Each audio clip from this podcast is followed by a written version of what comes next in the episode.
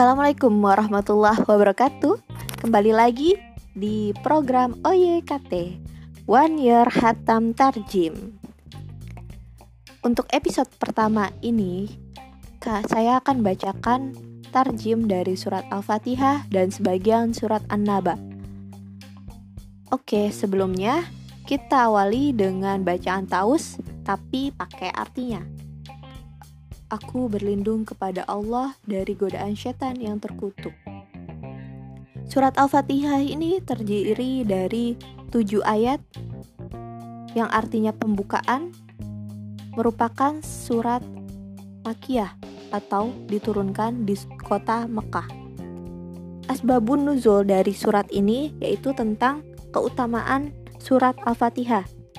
Sa'id bin Al-Mu'allah radhiyallahu anhu berkata, Rasulullah Shallallahu Alaihi Wasallam berkata kepadaku, Maukah kamu aku ajarkan surah yang paling agung dalam Al-Quran sebelum kamu keluar dari masjid ini? Beliau pun memegang tanganku tatkala kami hendak keluar masjid.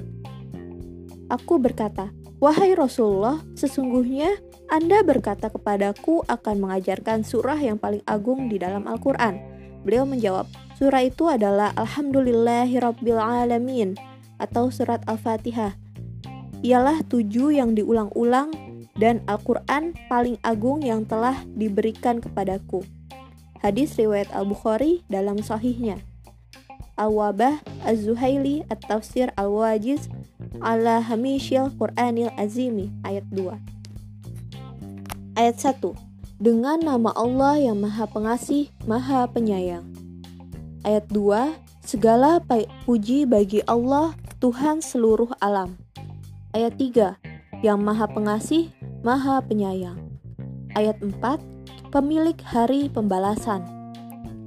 Hari pembalasan atau Yaumuddin adalah hari waktu manusia menerima pembalasan amalnya, baik atau buruk. Disebut juga Yaumul Qiyamah, Yaumul Hisab, dan sebagainya. Di ayat 4 juga dari Jabir bahwa Rasulullah Shallallahu Alaihi Wasallam bersabda, jika malam sudah datang atau sabda beliau, malam sudah gelap, maka tahanlah bayi-bayi kalian karena pada saat itu setan sedang berkeliaran. Jika telah berlalu beberapa waktu dari Isya, bolehlah kalian biarkan mereka.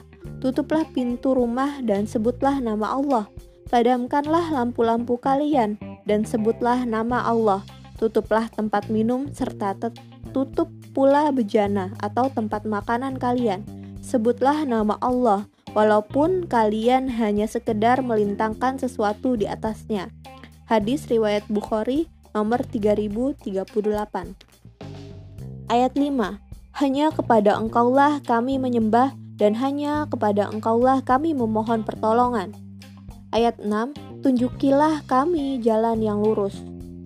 Jalan yang lurus yaitu jalan hidup yang benar dan yang dapat membuat bahagia di dunia dan di akhirat. Ayat 7 yaitu jalan orang-orang yang telah engkau beri nikmat kepadanya, bukan jalan mereka yang dimurkai dan bukan pula jalan mereka yang sesat. Maksud dari ayat terakhir ini, mereka yang dimurkai adalah mereka yang sengaja menentang ajaran Islam mereka yang sesat adalah mereka yang sengaja mengambil jalan lain selain ajaran Islam. Oke, untuk selanjutnya kita teruskan terjemahan hari ini dengan surat An-Naba yang artinya berita besar. Ada di juz 30. Surat ini juga surat Makiyah dan diturunkan di kota Mekah. Merupakan surat dengan 40 ayat. Surat ke-78.